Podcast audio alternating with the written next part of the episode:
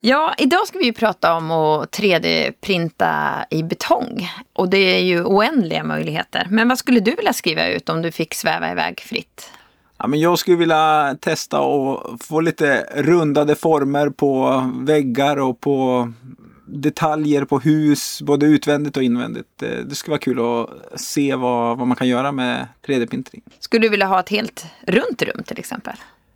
Ja men det skulle vara roligt eh, att ha ett, jag tror att det kan passa i vissa delar, både i, i en lägenhet och men kanske ans, i konferensrum eller någonting.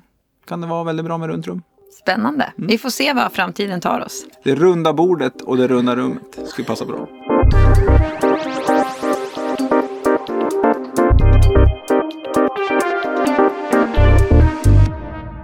Välkommen till Smarta Hem-podden med mig Malin Hansdotter och Robert Bäckström. Vi arbetar till vardags på Stångåstaden som är Linköpings största bostadsbolag.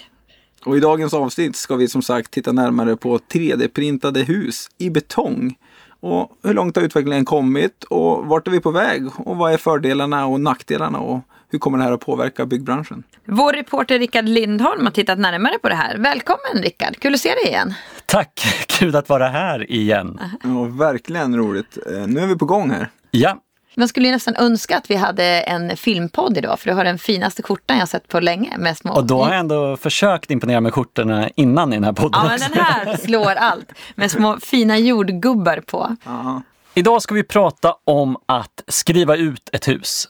Men jag tänker att vi börjar med ett ljud som de flesta känner igen. En vanlig hedlig kontorsskrivare.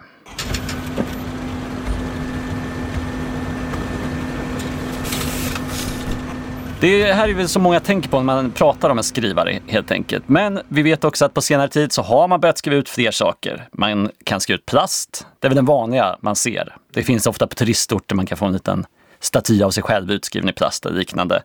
Man kan också skriva ut trä, metall och kolfiber. Har du, eh, har du skrivit en, eh, en miniatyr av dig själv? Nej, jag har inte gjort det faktiskt. Det var ju väldigt... Jag har inte hört om det ens, så jag, eh, det ska jag nog göra nästa gång. Det, det vill du ha en? Ja, men du får som en liten actionfigur av dig själv. Men, barnen kan ju leka med mig då. Men hur gamla är dina barn? Är inte de... de är ju för stora för att leka med mig. 15, 13 och 9. I Roberts Ja, men det- drömmar vill han att barnen ska ha actionfigurer med pappa. Men ah, Det är helt möjligt att göra i alla fall. Du gör en scan av dig själv och sen går det att printa ut helt enkelt i plast eller ett annat eh, material. Då. Det pågår också avancerade experiment som till exempel att försöka skriva ut organ. Ja, just det. Det är väldigt coolt. Det här är en fastighetspodd, så vi kommer inte prata så mycket om de delarna. Utan eh, det vi kommer fokusera på idag är att printa betong. Utomlands finns det flera intressanta projekt. Bland annat Nederländerna och Kina är ganska framstående inom det här området och har printat ut hus. Även i Sverige så bedrivs det mycket forskning på området. Inte minst KTH och Luleå tekniska högskola ligger ganska långt fram. Så för att inte det här avsnittet ska bli för brett så har vi valt att fokusera på några som går i bräschen för utvecklingen här på hemmaplan. Jag har valt att kalla dem före-betongarna. Ja, det är superintressant. Ja. Eh, Det Ja. tror jag på. är de här eh, i framkant i Sverige eller är vi i framkant i Europa? Det här blir lite intressant. Det är en egen diskussion nästan. För Sverige har ju ganska svåra förhållanden. Det är lättare att skriva ut ett betonghus i Nederländerna än i vårt klimat. Här skiftar det mycket mer. Även om såklart Holland inte är det mest extrema åt andra hållet. Men Sverige har väldigt eh, mycket svåra förutsättningar. Finns det någon anledning till att det är just Holland och inte något annat Ja, men det- europeiskt det land? görs- Eller är de bara väldigt intresserade? De fick ganska mycket uppmärksamhet eh, när de 3D-printade ett hus. USA gör också och så. eh, Kina, som jag sa innan också. Eh, Många satsar på det här, och, men de har lyckats ganska fint med sin del och det har varit väldigt uppmärksammat. Så att det är därför jag valde de två exemplen. Men det görs i, st- i stort sett alla länder håller på med någon slags projekt inom det här. Innan vi rusar iväg, för det är väldigt kul att prata om de här projekten, så måste vi bara gå igenom vad är att printa betong? Vad ser ni framför er där? Jag ser ju typ en, en stor sån här gräddsprits eh, eh, som, som åker omkring i en liten datoriserad ett mönster då så att säga. Och som man kan styra precis vad man vill. Så eh, det är ungefär vad jag ser. Ja, men jag ser nog framför mig en sån här klassisk eh, snabel som eh, häller ut betong fast man har satt på ett munstycke framför. Så att den, och sen sitter den väl i någon ställning då så att den vet vart den ska gå och sköta sig. Det här är ju väldigt nära vad det är. Det är ungefär så det funkar. Man kan väl säga att det är en blandare, en pump och ett munstycke som sitter monterat vid någon som kan röra sig väldigt precis. Till exempel en eh, robotarm. Men nu har jag förenklat det här väldigt mycket och det låter väldigt enkelt när man säger det så. Jag tror att vi, när vi kommer vidare i det här avsnittet så kommer man förstå att det inte är riktigt så enkelt. Nu tänker jag att vi ger oss ut på en resa. Vi ska till Tumba. Mitt på betongindustrins fabrik, deras område där, så har en man satt upp en container och ett tält. Vi hör vem det är. Eh, jag heter Tobias Haslingen och eh, är eh, grundare utav Concrete Print jag tycker det är spännande med de här personerna som kommer lyfta det här avsnittet. De har inte den traditionella betongbakgrunden egentligen. Utan är lite en udda katt inom industrin. Ja, jag är väl civilingenjör, läst teknisk fysik på KTH och eh, skulle egentligen forska inom partikelfysik. Och, ehm, så, så, så jag åkte till USA när jag eh, tog, skulle ta examen och gjorde ett examensarbete som handlade om neurala nätverk och datainsamling och sådär som skulle vara grunden till mitt fortsatta doktorsarbete. Men sen så hoppade jag av och startade en reklambyrå fast på internet. Som var Sveriges första, ja det heter väl webbyrå idag. Nej men och sen så fastnade jag i, i, eh, i, i på IT-spåret och sen byggde jag ett hus Ehm, så. Och, och då upptäck, upptäckte jag att det var väldigt stora toleranser inom byggbranschen. Och, och då tänkte jag att det måste finnas något annat sätt. Och så en dag kom en gammal forskarkollega förbi och så berättade att han hade producerat en 3D-printer fast man skulle printa plast som var mycket mer noggrann än alla andra. Och då sa jag, vi, vi skippar plasten, vi, vi, vi bygger en, eh, en för betong istället. Han hette eh, Maxim och, och, Maxim och jag började egentligen där tillsammans. Men sen, sen så när det blev lite, äh, han ville inte vara kvar eller det var inte tillräckligt tekniskt utmanande tror jag. Så han hoppade av och jag fortsatte. jag som eh, projektledare tycker det var väldigt intressant hur han uttryckte att det, det är väldigt höga toleranser inom byggsektorn. Ja, du känner, det, känner du igen det? Ja, men det, det är ett fint sätt att säga att, att, eh, att det, byggarna bygger inte så noga. För att det behöver inte vara så noga, det behöver inte vara så rakt för att toleranserna säger att det behöver inte vara rakare än så här. Nej, och för en eh, person då som har jobbat väldigt mycket med exakthet tidigare mm, så kan jag tänka mig att det blir ganska frustrerande. Mm.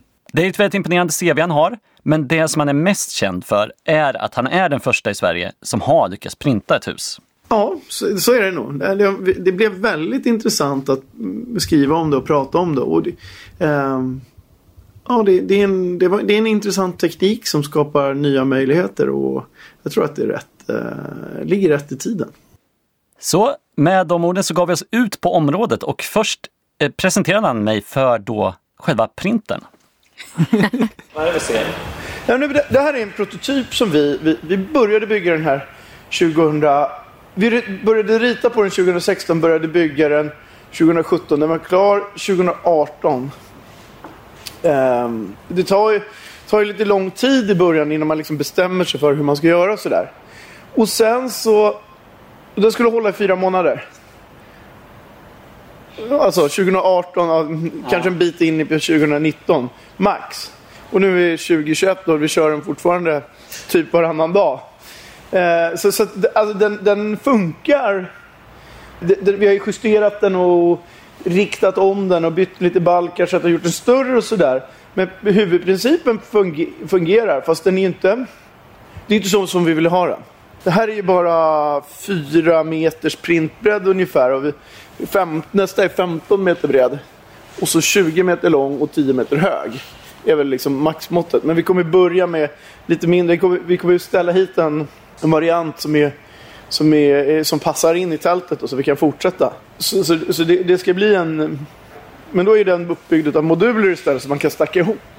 Så man kan få den eh, och bygga den på 3 meters längder. Alternativt 5 meters längder. Så, att, så att det, det, det, är liksom...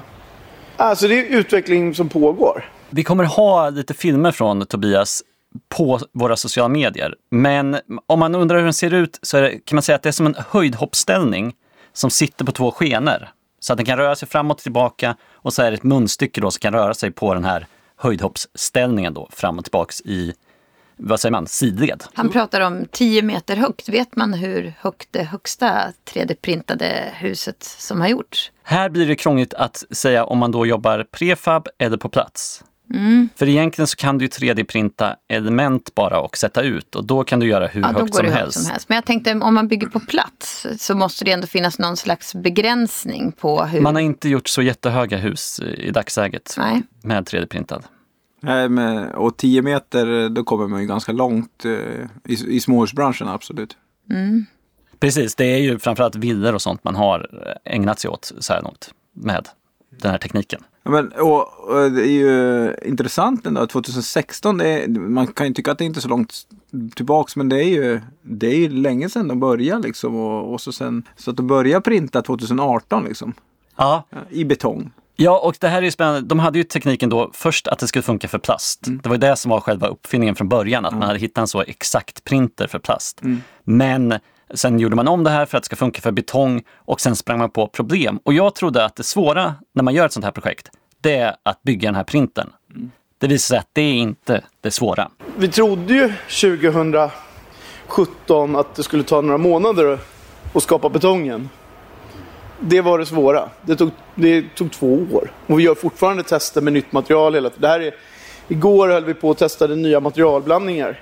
Ja, du ser, de, är, de, är, de bara trillar ihop efter, efter ett tag. Vi har liksom använt lite olika materialtyper för att liksom se vad som händer. Då.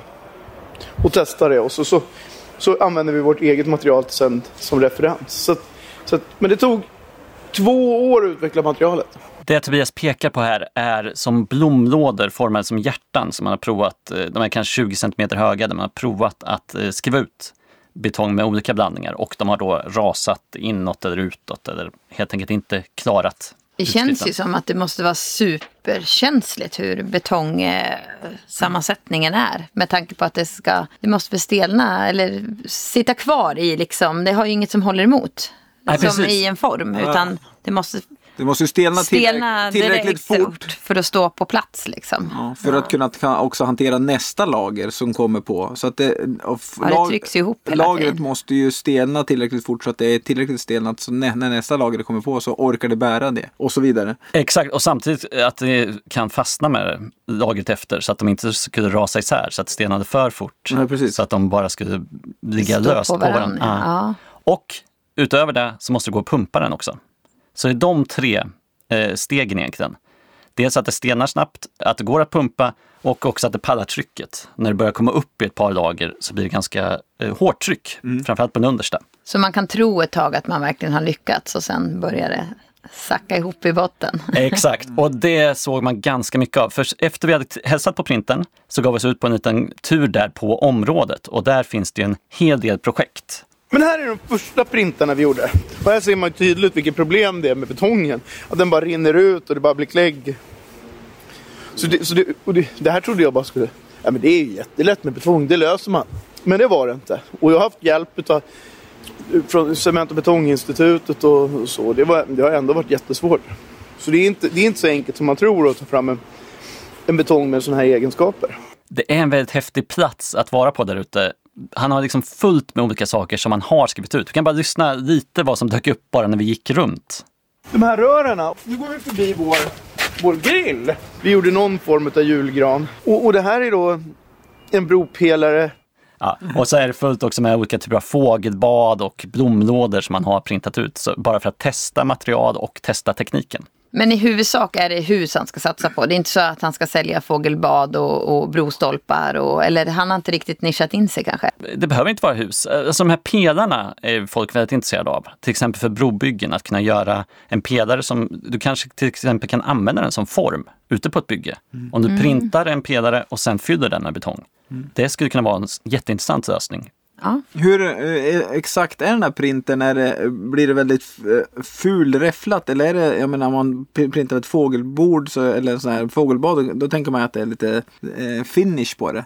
Alltså, du ser ju väldigt tydligt trådarna i dagsläget, Mm. men han sitter nu och har i stort sett kommit på en lösning för att släta ut det här efteråt. Men det, du kommer fortfarande skriva ut de här trådarna och sen kommer det på något sätt gå någonting efter då som slätar det. Ja. Ja, men efter att eh, vi har gått runt på området då så blev det till slut dags att göra entré i huset. Ja, nej, men det är vårt kontor. Ja, såklart. Så det här är liksom... Det är gjort för att, för, för att eh, med isolering och grejer. Så, så det ska bara sätta på tak så ska en kompis komma och isolera det med ekofiber. Ja, och nu testar vi här då. Jag lägger fram min mobil så får vi se den här filmen så kan ni förklara lite hur det ser ut. Det ser ut som eh, ett eh, randigt rum eller randigt hus med små gluggar och lite roliga former. Ja, det är ju väldigt finmaskigt eller vad vi ska kalla det för. Det första man reagerar på när man ser huset är ju de här trådarna. Att de syns ganska tydligt. Gör man, eh, sätter man gips utanpå det här eller har han tänkt att han ska eh, ha sådana eh, trådiga väggar eller vad vi ska kalla det för? Alltså, när du börjar ha den tekniken att du kan släta efteråt så att någonting ska gå efter så får en slät vägg, då är det ju i stort sett klart. Men eh, som det ser ut nu så, ja, då kanske man skulle sätta en gipsvägg. Men det är ju mer en smaksak. Gillar Ja. man trådiga väggar så är det en funktionell vägg. Det är det jag menar. Att den, Ja. ja. den är inget egentligen man behöver göra, mer än för syns skull. Nej, precis. Det, annars funkar den väldigt bra. En inner och en yttervägg. Och de här fönstren är ju printade också. Det är ju med i själva formen då. Så att man har lämnat utrymme för dem. Och det här rundade hörnet. Det är ju någonting som är väldigt svårt att göra med betong annars. Absolut. Och jag tänker bara med det här med gipsade väggar. Det går ju inte heller med. Du kan inte gipsa ett runt hörn heller. Nej. Och det var ju flera, det såg ut som ett badrum där. Ett dusch, duschutrymmet var ju också rundat så att säga. Så att det, och då får man jobba med putsat istället. Att man putsar i insidan. Vilket också är väldigt snyggt. Och, eh, Ja, men det är fint. Men det var väldigt, väldigt eh, trådigt eller vad man ska kalla det för. Ja, precis. Och det är ju väldigt tydligt då var man har eh, printat då helt enkelt. Man kan ju säga att storleken är eh, ett eh, attefallshus. Vi kan också höra lite om utmaningarna där i processen när de skrev ut eh, det här huset. Allting blev så stressigt och vi, vi, eh, vi hade studenter från Excenter. För vi har ju handblandat allting så det har varit ett jättejobb. Det är alltså vad är det, fem kubikmeter betong. Som är handblandat. Och, det, och då måste man väga upp allting för sig. Så det är 100... Jag tror att det är 140 blandningar som jag har gjort för att komma hit. Så, så det, det, det, det, vi har en bara 90 liters eh, eh, sån handblandare som planblandare. Så, så det här är blandat liksom för hand. Och det är därför man kan se det här till exempel, är, här ser man att det har runnit ut lite för mycket. Väggen liksom, och så har run, väggen är hyfsat rak så har det runnit ut lite för mycket. Det beror på att eh, när vi blandade, det här skedde mitt på natten någon gång och han som blandade han blev, han blev trött och missade lite så blev det lite för blött och så. så, så att, ja, det, det är lite sådär att det har blivit, hänt saker under resans gång.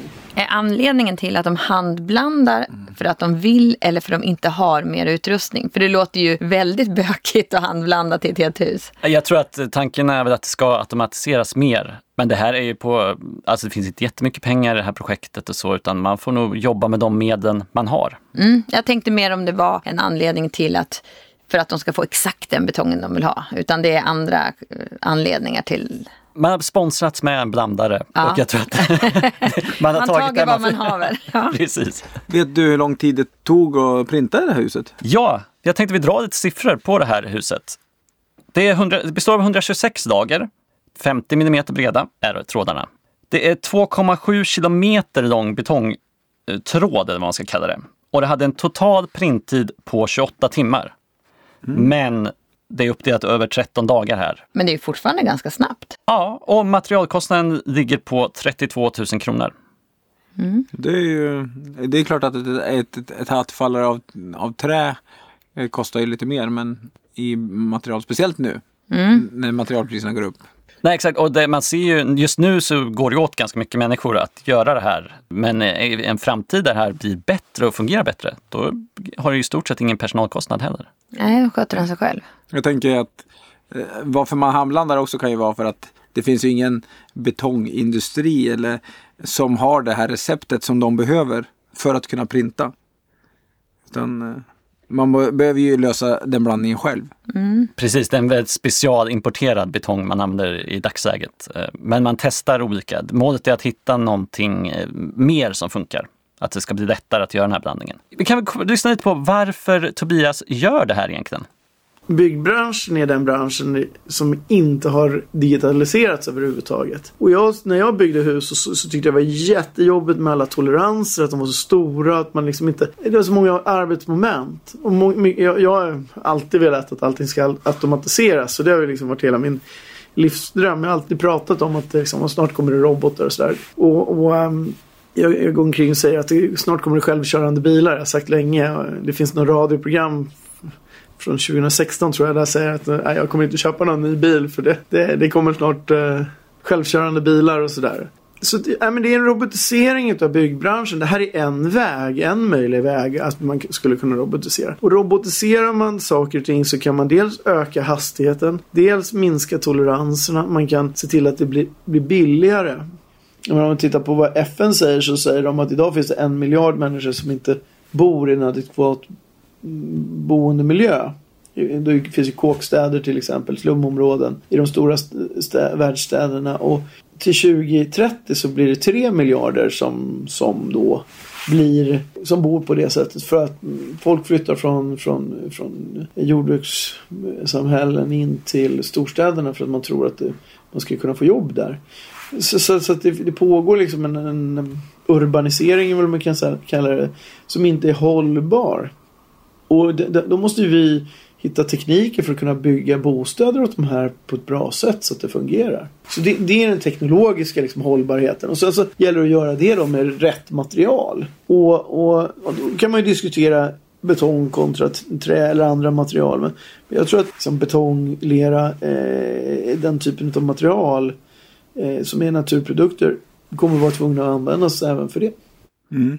Jag tänker mig att det är frustrerande om du kommer från IT-världen att sen komma i kontakt med byggbranschen? Absolut, det är ju väldigt konservativt och, och eh, samma hela tiden, går väldigt sakta, digitaliseringen och och så sen är det ju, som, som man säger, det, det finns ju toleranser. Så de, de, som är väldigt noggranna och, ja men det märker vi, de som flyttar in i våra lägenheter och som är lite noggranna och pedantiska av sig. Men kan det, få det se ut så här liksom att, det, att, att listen eh, buktar lite grann och så här. Så det, det är ju höga toleranser. Och jag förstår att man blir frustrerad. Jag tror också på att vi ska eh, ha mer robotar och prefabricerat i byggbranschen. Ser du som ändå har varit i, i byggbranschen, eh, hur många år vet inte jag, men ett tag.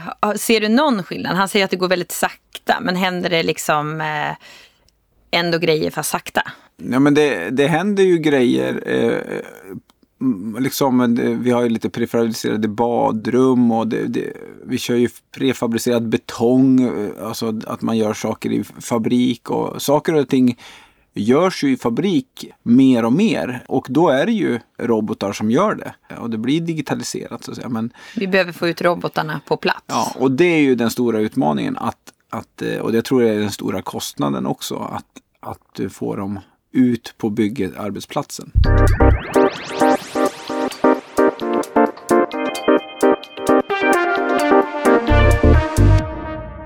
Nu lämnar vi Tumba och Tobias och reser in till centrala Stockholm. För nu ska vi hälsa på på KTH. Mitt namn är Helena Westerlind och jag är arkitekt och forskare på Arkitekturskolan på KTH i Stockholm. Jag forskar inom 3D-printad betong, bland annat. Jag forskar även om andra saker, men faktiskt forskar jag om betong. Jag forskar också om återbruk av betong i ett EU-projekt. Och det här är då våra nästa förebetongare. Och precis som Tobias tycker jag att hon har en ganska spännande bakgrund. Jag studerade arkitektur i London. Och efter eh, det så började jag jobba direkt för ett konstproduktionsföretag som faktiskt var baserat i Madrid. Men det startades av en engelsman. Så det var halvt i London, halvt Madrid kan man säga. Och så de jobbar väldigt mycket med att liksom utveckla teknik för konstproduktion, eller vad de säger, cultural heritage. Och samarbeta med konstnärer för att liksom realisera deras projekt. Så de jobbar mycket med 3D-scanning och, och sådana eh, saker. Men även då så ett av projekten var just det här med att 3D-printa betong. Så de eh, hade gjort ett samarbete med en konstnär som heter Anish Kapoor. Så de hade gjort eh, liksom en, en serie skulpturer tillsammans med honom redan 2009. Så det var väldigt tidigt. Också lite annorlunda för byggbranschen att ja, komma verkligen. från den sidan med, med konstsidan också. Ja. ja. Mm. Men det, jag kan tänka mig att det är en bransch som var tidig att ta till sig den här nya tekniken. Ja, där kan man ju göra vad man vill i princip. Så kanske en bra arena att testa sånt här på. Och blir det lite konstigt så kallar man det för konst. Ja, men precis. Det, det, det brukar jag säga när någon säger att vi borde ha konst i, i våra byggprojekt, men allting vi gör är konst. Perfekt.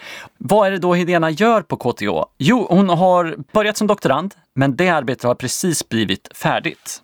Och nu så har vi ett, liksom en fortsättning på det är det här pågående projektet då som heter Digital betong som är finansierat huvudsakligen av SBUF och eh, Smart Built Environment. Så då kollar vi just på liksom tillämpningen av den här designmetoden som, som jag utvecklade i mitt eh, PhD-projekt. Så då har vi min kollega José som eh, gör en licentiat i projektet och sen så är det även Johan Silverband då på byggvetenskap och som handleder José och sen är det Rickard Malm också som jobbar med femanalys på byggvetenskap som är involverad i projektet.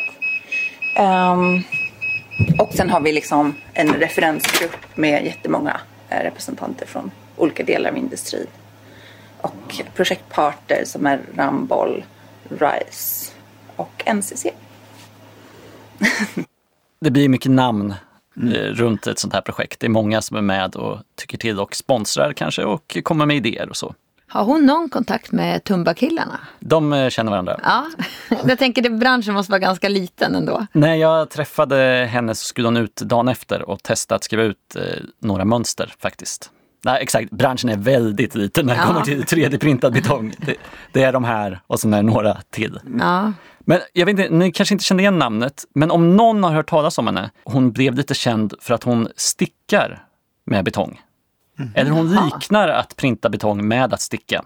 Hon, hon kan förklara själv här vad hon tänker. Om man bara liksom tittar på processen så finns det vissa likheter med stickning. Och det är det att liksom, när man 3D-printar betong då är det en kontinuerlig sträng av material som man lägger ut. Det är liksom en, en av karaktärerna i den här tillverkningsmetoden. Och det ser jag likheter med stickning där man liksom har en tråd. Och sen så är det den här rörelsen i hur man då liksom på den här linjen eh, vilken geometri linjen har och sen hur den byggs upp i olika lager som, som gör olika strukturer. Och det är samma sak inom stickning och 3D-printing. Så det var lite av ett genombrott att liksom se att okej, det är liksom den geometrin, den lokala geometrin på linjen spelar roll. Och det kan skapa liksom olika ackumulativa effekter över tid. Intressant att se det på det sättet. Men jag förstår ju precis hur det är. Liksom. Man kan ju byta i stickning kan man ju byta AV och rät och man kan eh, ha olika kulörer. Och, och det, ja, men jag förstår precis hur hon tänker. Ja, och när vi pratar 3D-printing så är det vanliga att se de här trådarna som ligger ovanpå varandra. Ganska direkt så. Det Helena tittar på är ju att man kan göra det här i olika mönster och på det sättet påverka lite dels eh, hur mycket betong som går åt men också vilka effekter eller hur man kan använda den här betongen. Det måste ju påverka eh, konstruktionen om man flätar eller om man ändrar på, på läggningen. Bärigheten måste det påverka. Exakt. Ja, vi kan lyssna lite vad hon säger om vilka fördelarna är. Ja. Det som jag ser som liksom den största skillnaden, eller stora fördelen med 3D-printing är just det här att man inte använder en gjutform. Om betongen historiskt sett har varit en, en uniformt material så kan man nu liksom bygga upp olika strukturer och göra den porös istället för massiv. Och det här får ju då vissa konsekvenser också för betongens egenskaper. Dels liksom dess isolerande men också dess såklart strukturella egenskaper. Vilken densitet den har. Så, så det här liksom öppnar upp de här möjligheterna att programmera betongen på ett nytt sätt. Och eh, när betongen har varit då beroende av gjutform hittills så innebär det också att vad man har kunnat bygga har berott på vilken typ av gjutform man kan göra. Och eh, på grund av att gjutformen är liksom ganska tidskrävande och kostsam moment i byggprocessen så har det också gjort att man har förenklat vilka typer av eh, betongkonstruktioner som är möjliga. Det här känner ni igen? Att idag gjuts ju nästan all betong i då betongformar. Och det innebär ju att det är samma betong i hela den delen. Ja, och, och formarna återanvänds ju och väggarna ser likadana ut och, och så vidare. Mm. Precis. Här skulle det vara möjligt då att göra betongelement då som är helt anpassade efter vad de faktiskt ska användas till. Vet, för mig, för er kanske det här blev såklart nu när hon berättade. För mig var det fortfarande lite oklart vad som den verkliga fördelen med att kunna påverka egenskaperna är. Men hon drog ett eh, historiskt exempel från Pantheon, kanske inte så det uttalas, men det här templet i Rom som jag tyckte blev lite tydligare där man ser faktiskt vilken skillnad det skulle kunna göra. Jag tittade då på betongens historia i Rom. Jag var på Svenska institutet i, i Rom och gjorde liksom ett sidoprojekt som heter The Liquid Stone Cookbook. Och om man, när man ser på hur romarna använde betongen så var det ju så ett murbruk som man liksom använde mellan stenar. Eh, det var ju så det började. Och sen så blev liksom de här stenarna mindre och mindre och så blev, liksom, blev mer och mer murbruk tills det blev den här massan som, som formbara massan som vi som är liksom lite likvärdig med vår moderna betong. Men då så var ju de, på grund av att för dem var det liksom en manuell process. De använde en typ av gjutform men sen så applicerade de i materialet och liksom packade det för hand. Vilket gjorde att de hade ju också en helt annan möjlighet då att variera materialet allt eftersom som man inte har liksom när man gjuter en, en, en, en, flytande betong. Så att om man kollar till exempel på Pantheon så använder de ju olika typer av ballast var i konstruktionen det var. För att, liksom, ehm, för att minimera den här självvikten på kupolen. Och, jag tänker, och det var liksom en, någonting som jag såg som väldigt eh, intressant. Att, liksom, att de var ju mycket, hade ju mycket större liksom kontroll och liksom var mycket smartare med just den här sammansättningen på betongen än vad vi kanske är nu. Nej, men det är liksom en homogen massa, i hela, samma homogena massa i hela byggnaden. Oberoende var i konstruktionen det är. Liksom. Det där är ju intressant tycker jag. Mm. Just för att, ja, hon pratade om tidigare om porös, eh, att den var porös också. Det, det, det, blir ju mer isolerande då när den blir porös, när man får in lite mer luft i. Och så sen just om du har lite mer ballast så blir den lite tung och då behöver man ju tyngd behöver man alltid för ljudkrav och sådana här grejer. Det är väldigt intressant om att kunna variera eh, egenskaperna genom eh, på det här sättet. Det känns ju som, ofta när man tittar tillbaks så var det ett helt annat hantverk. Det här tog ju säkert mycket längre tid att bygga. Eftersom... Lite längre tid tänker jag. Men det, vi har ju inte den tiden idag. Ju, men annars kanske man skulle använda sådana här tekniker. Det är bara att kolla på jättegamla hus. De är helt fantastiska. Det är ju sånt otroligt hantverk med allting. Liksom.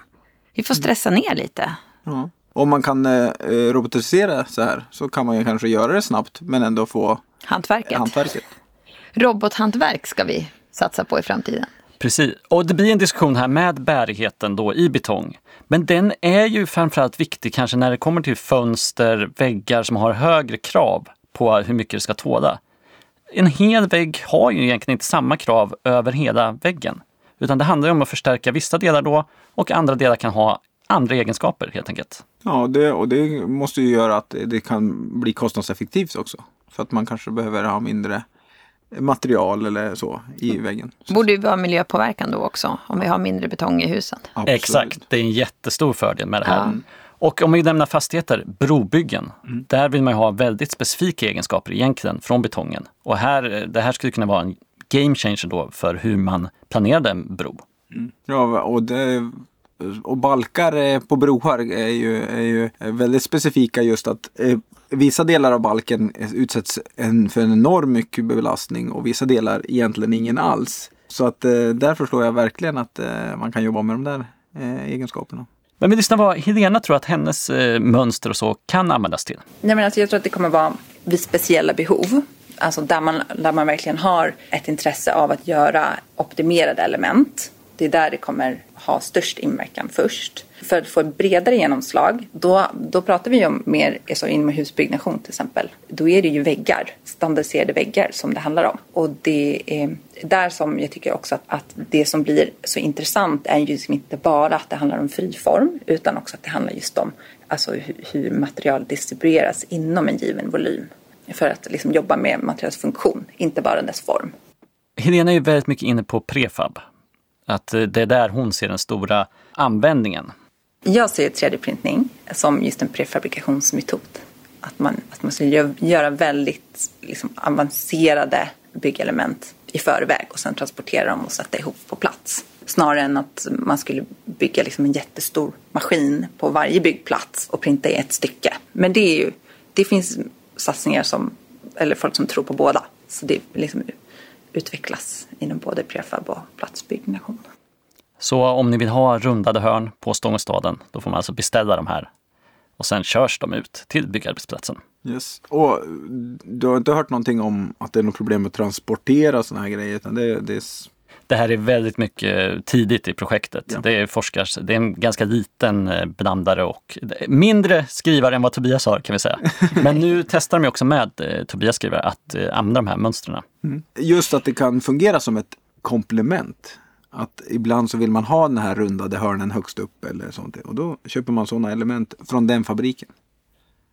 Ser hon det liksom, de, eh, ja men hon återkommer ju till speciella former och liksom att det ska vara lite som Robert är inne på, att man köper in där det behövs eller köper man ett helt hus, även raka vanliga väggar kommer vara bättre att 3D-printa eller hur? Eh, Det beror ju på, som hon är inne på, med vilka egenskaper du behöver och vill ha från betongen. Men jag tror att just nu så är det ju, eller just nu finns det inte alls finns att inte beställa. alls. Men, och sen kanske det börjar att bli lite special och sen så... För det känns ju ändå som man skulle vilja beställa ett helt prefabhus från någon. Och då vill man ju ha även de där tråkiga raka väggarna. Men det kanske är mer ekonomi i att köpa element från massa olika ställen så man får det perfekta huset. Ja men det, just nu så är det nog det. Men jag, jag menar branschen går ju framåt så att det, om, om några år så, så kommer det säkert vara ganska billigt att 3D-printa. Det, det, det tror jag. Så att eh, Ja, och man ska säga att gjutformen är inte gratis heller att ta fram och så. Nej, nej. Så att det finns en liten kostnad där också. Men eh, om Helena är inne på prefab så är ju då Tobias eh, inne på att komma ut till byggarbetsplatserna. En byggarbetsplats består ju egentligen utav två problemområden. Dels då en själva byggarbetsplatsen som är, man skulle kunna kalla det som en krigszon för den förändras ju hela tiden. Alltså man vet ju aldrig var och hur det ser ut från dag till dag. Och sen är det ju ett logistikproblem för du ska ju in med väldigt mycket material. Och det ska komma rätt i, i tiden. Och det är ett jättesvårt problem att liksom synka det. Så, så, och, och jag tror då att man, man kommer ha robotar som, som gör själva byggnationen av olika slag. Där man eh, har ar, eh, ar, armeringsrobotar som skapar armeringsdetaljer. Man har 3D-printrar som printar eh, ut konturen. Och, och sen så har man andra robotar typ som Spotmini som, som NCC och Peab har för, för att göra kvalitetskontroller och sånt och se att allting är där och, och rätt gjort. Och sen, sen finns det ju som Hitachi har, eller är det Hilti som har en borr, borrrobot som borrar i tak och väggar. Som, så så att jag, jag tror att vi kommer gå åt det hållet. Men det, allt det där måste ju samorganiseras och orkestreras av någon, av någon övergripande liksom, planeringsfunktion. Och jag tror om tio år vet jag inte om, om vi är där att det finns en, liksom, en, en, en digitaliserad orkestreringsfunktion. Utan jag tror att det kommer vara en människa fortfarande. Men, men på sikt så kommer ju även det försvinna liksom, eh, och bli helautomatiserat. Det är ingen överraskning att han ser en robotframtid med tanke på vad han sagt tidigare. Jag älskar att han ser en byggarbetsplats som en eh, krigszon. Och ibland när man går förbi byggarbetsplatser så kan jag faktiskt förstå hans tanke. Ja, så kan det vara. Och jag trodde först att prata om min, våran hall hemma. Liksom. Där är krigszonen. Liksom. Där skulle man ju verkligen behöva eh, ha en robot som eh, sorterar upp och, och så. Men, men ehm, eh, det han beskriver ser ju jag väldigt långt fram i tiden. Så är det faktiskt. Du kommer inte vara byggprojektledare framöver utan robotprojektledare. Ja, men precis. Hålla koll på alla robotar på arbetsplatsen. AV med robotgänget. Det blir lite tråkigt. Ni har ett korpenlag? Ska, du- ska du stå upp med... Ja, men precis. Ska, men de, de kan ju vara bra på det också. Robotar. Ja, men får hoppas det. Nej, I mina öron så låter ju Helenas lösning mer nära. Alltså att det kommer hända snart och att det känns mer troligt. Men med det sagt, alltså Tobias, han håller ju på, han gör ju det här. Vi är ensamma i Sverige som jag känner till just nu. Och vi är ju väl på väg att vi ska ta fram en ny st- större skrivare som vi ska eh, dels börja marknadsföra internationellt men också skriva ut en, en, en villa. Så, vi har skrivit ut det här första huset och du vet, det, var, det är ett attefallshus egentligen och det, det är det är inte ett testobjekt så att säga. Men, men, men nästa steg är att göra det på riktigt. Och det hoppas vi vi ska kunna göra till sommaren. Så, så att vi är där på gång någonstans. Och det, det, egentligen är det, det är en, en, en kostnadsfråga för, det, för vi behöver köpa mark någonstans och prova. Och sen så är det en fråga om, om liksom att hitta rätt eh, samarbetspartners. För vi behöver samarbeta med någon konstruktör som förstår sig på hur man ska göra det på det här sättet. Eh, och, och, och det finns ju, de här betongkillarna, de är ju jätteduktiga på sitt men man, man behöver ju andra konstruktionslösningar också. Och det här är väldigt spännande att eh, umgås med Tobias, att det ringer folk hela tiden. Eller han ringer, det är banker som man kanske försöker lån för att köpa någon tomt någonstans. Det är också tv som är av sig för att man vill göra kanske ett tv-program om det här. Så med lite tur så kommer vi kunna följa hans villabygge på bästa sändningstid. Gud vad roligt. Skönt också så här i sitt jobb. Nej, men jag letar efter en tomt så att jag kan dra igång det här bygget. Så jag kan testa. Ja, by testa bygga ett hus. Ja, han har ju te tekniken funkar och då är det tydligen, som jag förstår det, inga problem att göra det här större. Nej, och, Utan det svåra var att få det att funka från början. ja, och det tror jag liksom att skala upp det är nog inte det stora problemet. Så det var våra förebetongare som vi har lärt känna nu och får kanske en liten känsla av var vi befinner oss i utvecklingen och hur nära vi är att faktiskt ha de här 3D-printade husen ute på marknaden. Väldigt intressant. Tack Rickard. Det var eh, eh, ja, men lärorikt och inspirerande. Jag, eh, jag skulle gärna testa i, redan inom kort i något av mina projekt eh, och se hur det funkar. Jag har Tobias nummer. Det har det va? ja, vi, vill, vi vill ju följa med på studiebesök. Jag skulle vilja ha liksom, i det där i litet format. Så här, nej, men vi behöver nya krukor till uteplatsen. eh, Eller nej, men saker hemma som man behöver köra upp i betong. Liksom. Det vore ju hur kul som helst. Då får man ju åka till eh, Rusta eller någonting. Men det är inte lika kul. Nej,